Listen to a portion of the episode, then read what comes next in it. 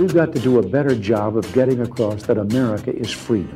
Freedom is special and rare. It's the idea held by generations of citizens who believe that America is a constant work in progress. We choose to go to the moon in this decade and do the other thing, not because they are easy, but because they are hard. And it's the people who are making America great again. We may be opponents, but we're not enemies.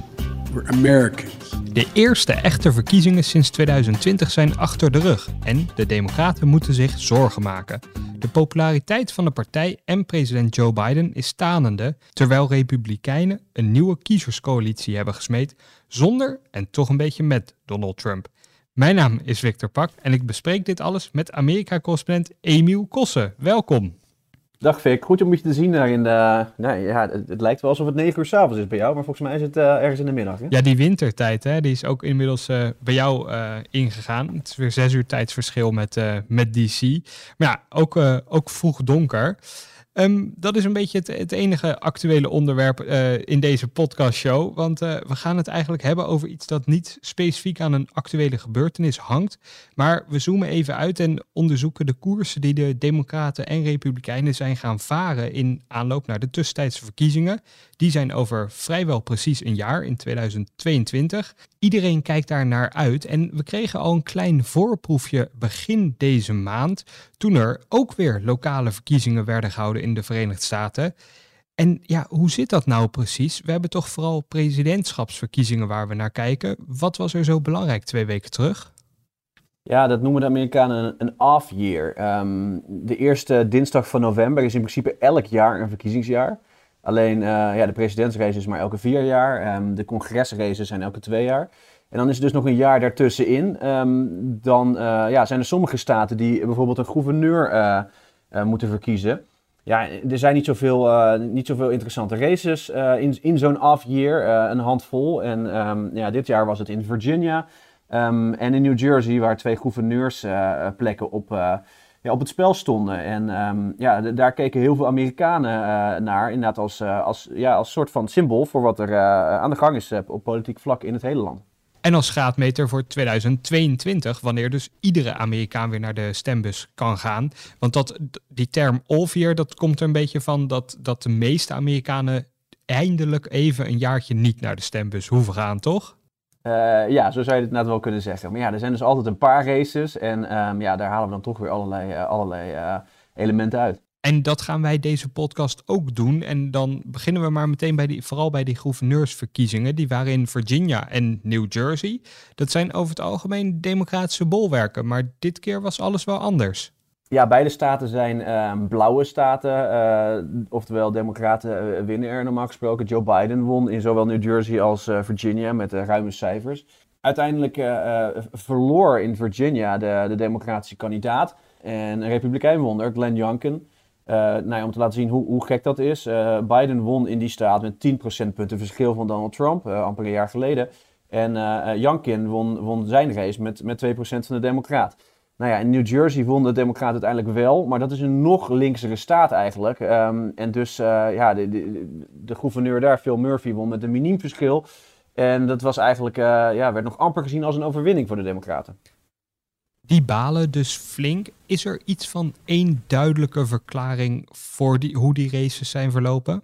Nee, het lijkt er een beetje op dat in een jaar tijd um, het politieke landschap een beetje op zijn kop is gezet. Uh, in 2020 hadden we Biden versus Trump. was een duidelijke keuze. Um, uh, in koos Amerika in, in, enorme uh, aantallen ervoor om ja, een beetje de anti-Trump te verkiezen. Um, een jaar later is Biden echt aan de macht. moeten naar hem worden gekeken, moeten naar zijn resultaten worden gekeken. Ja, en, en, blijkt het dat Amerikanen een heel uh, um, ongeduldig volkje zijn. Want opeens zijn die uitslagen uh, in, in veel gevallen een beetje op zijn kop gezet.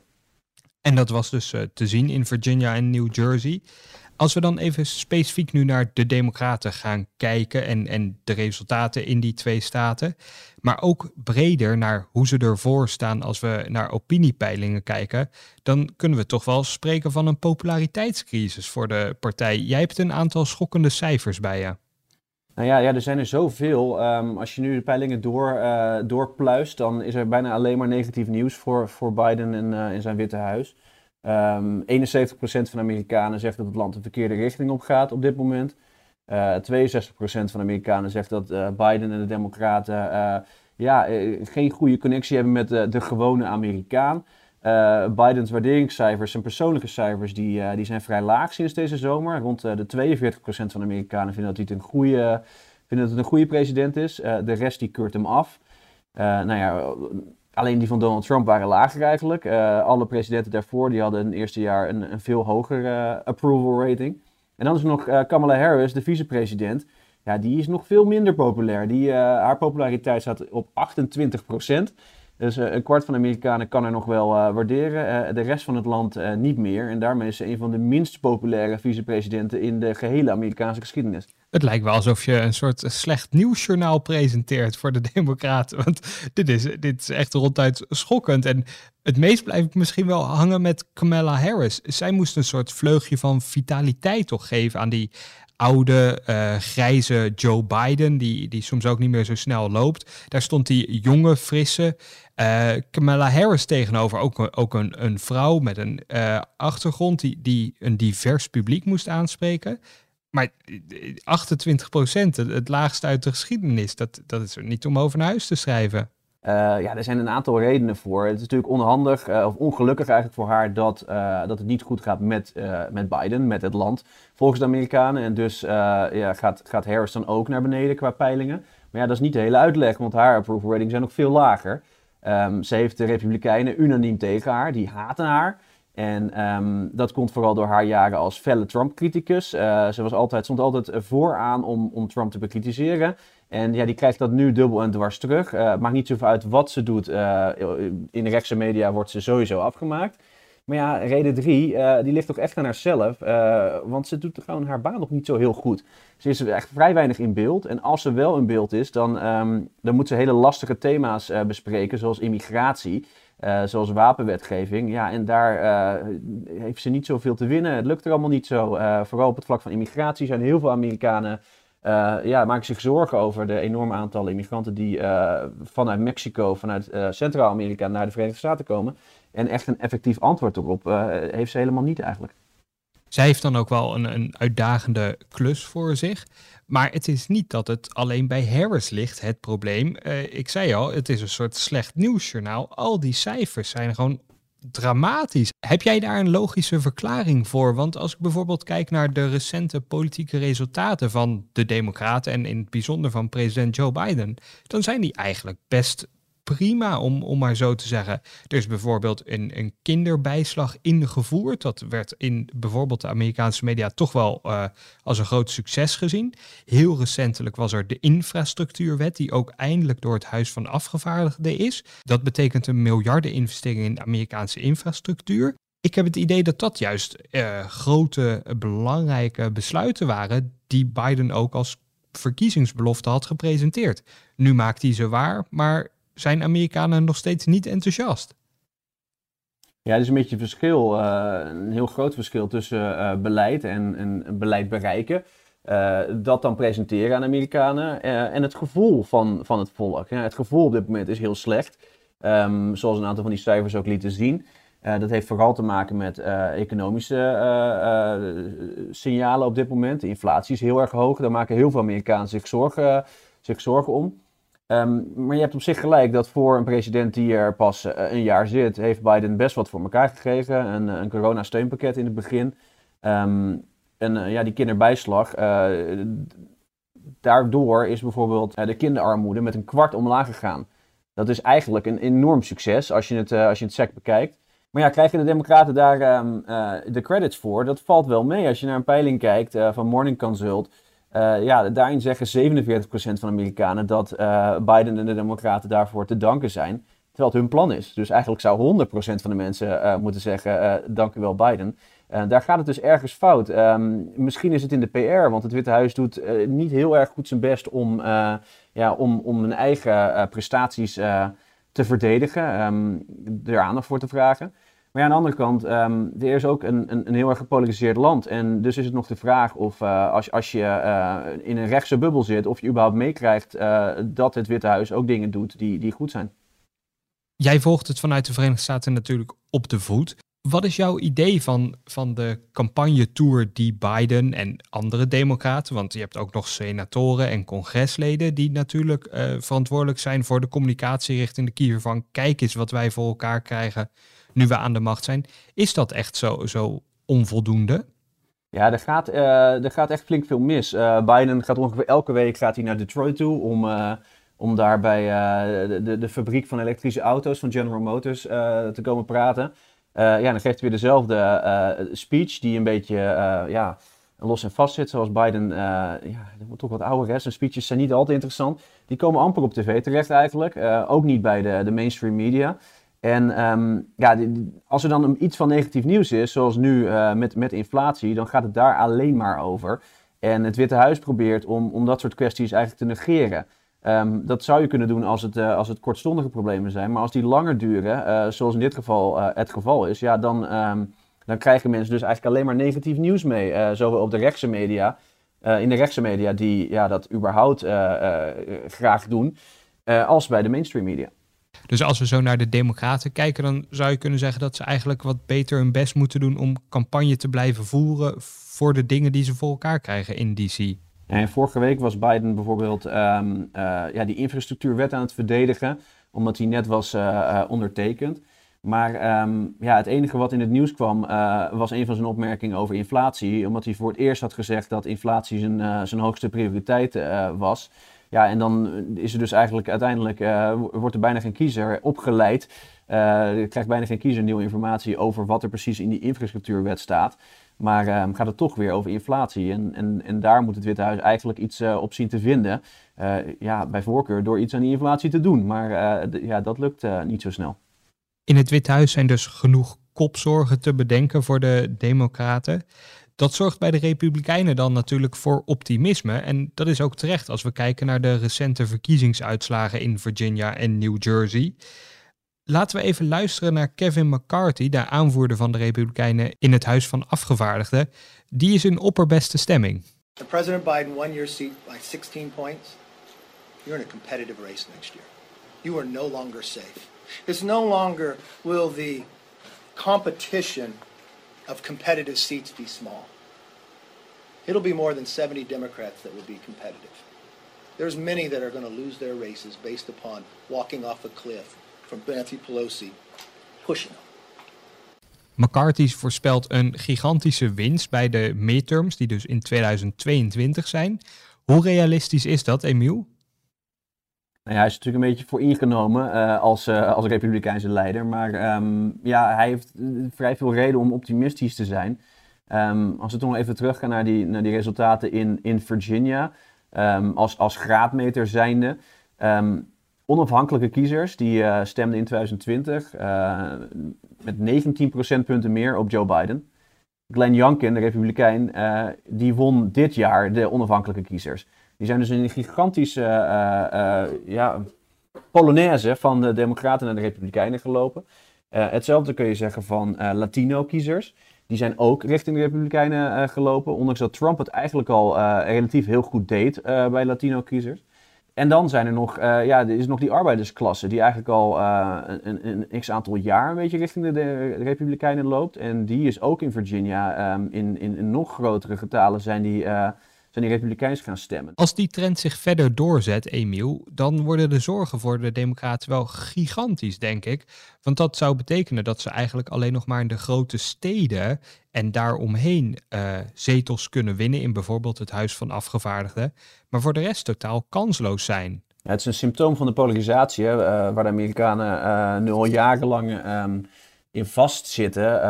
het stad stemt democratisch, het platteland stemt op de republikein. En dat het juist in Virginia nu uh, doorzet is wel opvallend, want Glenn Youngkin, de republikeinse kandidaat, um, ja, is, een, is een hedge fund manager. Het is niet een, uh, een man van het volk. Uh, het is een, een investment banker. Het is een, een, een, een, typische elitepersoon die een beetje doet alsof hij um, ja, een populist is af en toe. af en toe economisch populistische dingen zegt, à la Donald Trump. En dat lijkt een beetje het, uh, het recept te zijn voor, uh, voor de Republikeinen nu. Dus uh, door in elk geval een imago te creëren van um, dat zij voor het volk zijn. En de Democraten die, ehm, ja, die moeten daar een antwoord op zien te vinden. met Joe Biden lukte dat nog een beetje als symbool van die oude democratische arbeidersklasse, de vakbondsleden. Maar ehm, ja, in die partij zijn maar heel weinig politici te vinden die ja, die diezelfde achtergrond hebben als Joe Biden. De meeste um, democraten zijn gewoon uh, uh, progressieve lui uit de stad. En die gaan het gat met het platteland niet, niet dichten. Pijnlijk is het ook dat de democraten die onafhankelijke kiezers, waarvan jij net schetste dat die in grote getalen van Biden naar republikein Jonking gingen afgelopen verkiezingen, dat, dat die ontwikkeling gaande is, moeten democraten ook zorgen maken. Vooral omdat ze de gaten die zo ontstaan in hun kiezerscoalitie niet meer gevuld krijgen. Want dan zijn er nog die Latino's. En daarvan dachten we toch allemaal dat hoe meer Latino's er in de Verenigde Staten zouden zijn, hoe democratischer het land zou kleuren. Maar dat blijkt verre van het geval te zijn. Ja, dat was wel een beetje het verhaal. En vooral na de uh, verkiezingsnederlaag van Mitt Romney ehm, in 2012 uh, eh, kwam er een rapport naar buiten van de Republikeinen zelf. Dat ze zeiden, we moeten echt een een, een, een, poging doen om, om diverser te worden. Want um, die Latino's die zijn uh, als kiezersgroep, die gaan richting de Democraten. En dan, als we niet oppassen, winnen we nooit meer een verkiezing. Dat was ongeveer het, uh, het verhaal. Dat blijkt uiteindelijk toch mee te vallen. Donald Trump die was natuurlijk uh, notoir anti-immigratie. Um, tijdens zijn eerste presidentscampagne noemde die Mexicanen verkrachters. Sommigen waren oké. Um, en toch doet hij het flink goed bij, uh, bij Latino-kiezers. Vooral in 2020 uh, eh, kwam hij uh, in de buurt van 40% van de Latino-stem. dat is heel hoog. Dat, dat kon alleen George W. Bush um, diezelfde resultaten overleggen. En daarmee lijkt er een soort van doorbraak te zijn um, voor de Republikeinen wat betreft het bereiken van Latino-kiezers. En dan vooral de wat meer um, conservatieve. Jij schetst een doorbraak van de Latino's voor de Republikeinen, namelijk ze weten die in steeds grotere getalen te winnen. Komt dat omdat de Republikeinen na die verkiezingsnederlaag van Romney, waar jij het net over had, grote aanpassingen hebben gedaan? Of gaan de Democraten te gemakzuchtig om met hun achterban? Nou ja, beiden eigenlijk. Um, de Democraten die, uh, die gaan inderdaad vanuit dat de, dat de Latino zomaar een Democraat is. Um, ja, dat is niet waar. Latino's zijn een gigantisch uh, diverse demografische groep. Uh, een Cubaans-Amerikaan is een heel ander persoon politiek gezien dan, dan iemand uit, uit Mexico, oorspronkelijk uit Mexico. En um, ja, dat is juist waar de, de Republikeinse partij onder Donald Trump heeft op, heeft ingezet. Dat was niet de manier waarop met, Romney, met Romney's campagne het, het voor zich zag. Die dachten. Um, een beetje de kant op te gaan van de Democraten. Uh, liefdadiger te zijn over uh, illegale immigratie. Um, dus een beetje naar links op te schuiven. Donald Trump deed natuurlijk het tegenovergestelde. Um, die uh, zette heel erg in op ja, die conservatieve Latino-stem. door een patriotistisch verhaal te houden over de Amerikaanse droom. Over hoe, um, hoe ook immigranten die kunnen bereiken. En door juist heel streng te zijn op illegale immigratie. Dat klinkt misschien uh, gek, maar dat is juist een van de thema's waar heel veel um, immigranten uit, uh, uit Latijns-Amerika op aanslaan. Zij zijn al in het land, zij hebben dat vaak op legale wijze gedaan. En um, ja, mensen uit Centraal-Amerika die illegaal het land binnenkomen, daar zijn ze eigenlijk helemaal, niet, helemaal geen voorstander van. nou ja, dat conservatieve verhaal van, van Donald Trump, dat werkt eigenlijk vrij aardig. Want als je 40% van de Latino-stem uh, weet te behalen, dan, uh, ja, dan zorgt dat voor een, een, gigantisch verschil, een gigantische vooruitgang ten opzichte van Mitt Romney in de jaren daarvoor.